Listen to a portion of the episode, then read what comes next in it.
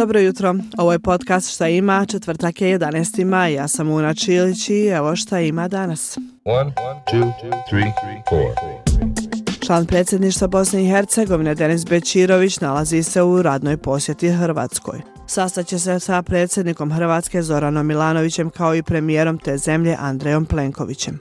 Zasjeda i vijeće ministara BiH. Između ostalog, ministri bi trebali razmatrati i izgradnje gaznih mreža, južne i istočne interkonekcije. Predsjedavajuća Borena Krišto izjavila je za istočnu interkonekciju da je situacija jasna, a za južnu još nema zakona u Federaciji BiH.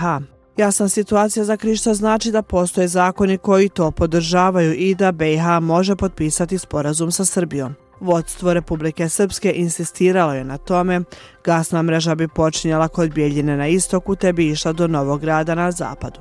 Potošači Republike Srpske bi tako imali gas, a stotinjak miliona eura za izgradnju bi osigurao ruski Gazprom.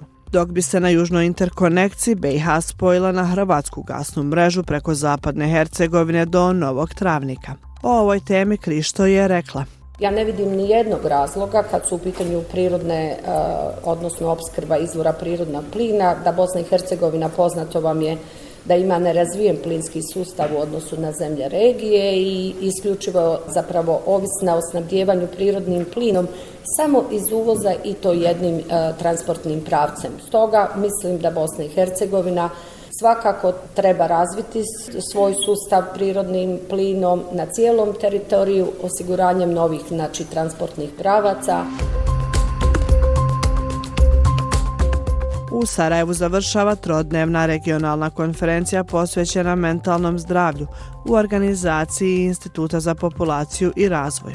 Ono što saznajemo je da je BiH lider u regionu po unapređenju mentalnog zdravlja. O tome direktorica sekretarijata zdravstvene mreže za jugoistočnu Evropu, doktorica Mira Jovanovski-Dašić, kaže – Bosnia and Herzegovina has steadily built its leadership role. Bosna i Hercegovina je kontinuirano radila na izgradnji svoje uh, uloge vođe u oblasti regije jugoistočne Evrope u proteklih 22 godine uh, kreiranjem politika koje su dovele do njihovog unapređenja u oblasti zaštite mentalnog zdravlja i omogućile pristup u napređenim i kvalitetnim uslugama uh, zaštite mentalnog zdravlja. A pomoćnik ministra zdravstva Federacije BiH Goran Čerke za naš podcast pojasnio je u čemu se ogleda uloga BiH kao regionalnog lidera u napretku kada je u pitanju projekat reforme mentalnog zdravlja. Resursi za mentalno zdravlje, odnosno ljudi, kvalitetni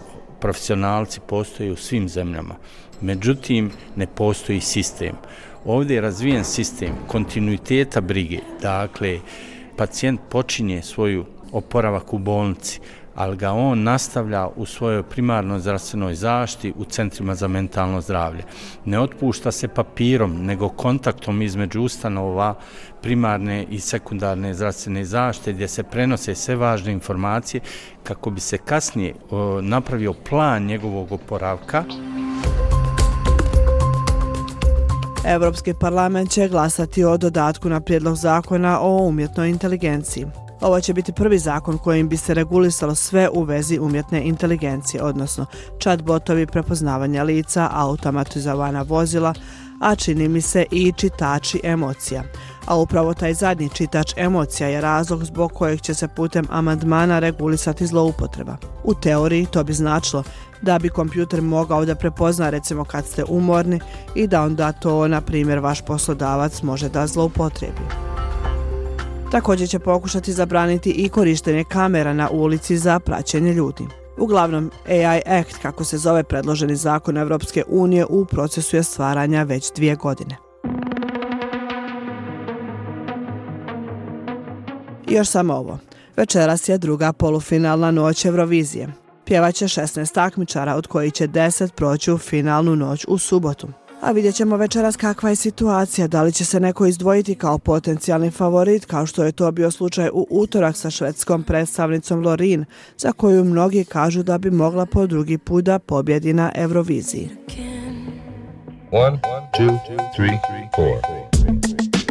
Eto, to je sve od mene za danas. Ja sam Una Čilić, slušali ste podcast Šta ima, čujemo se neki drugi put. Ćao!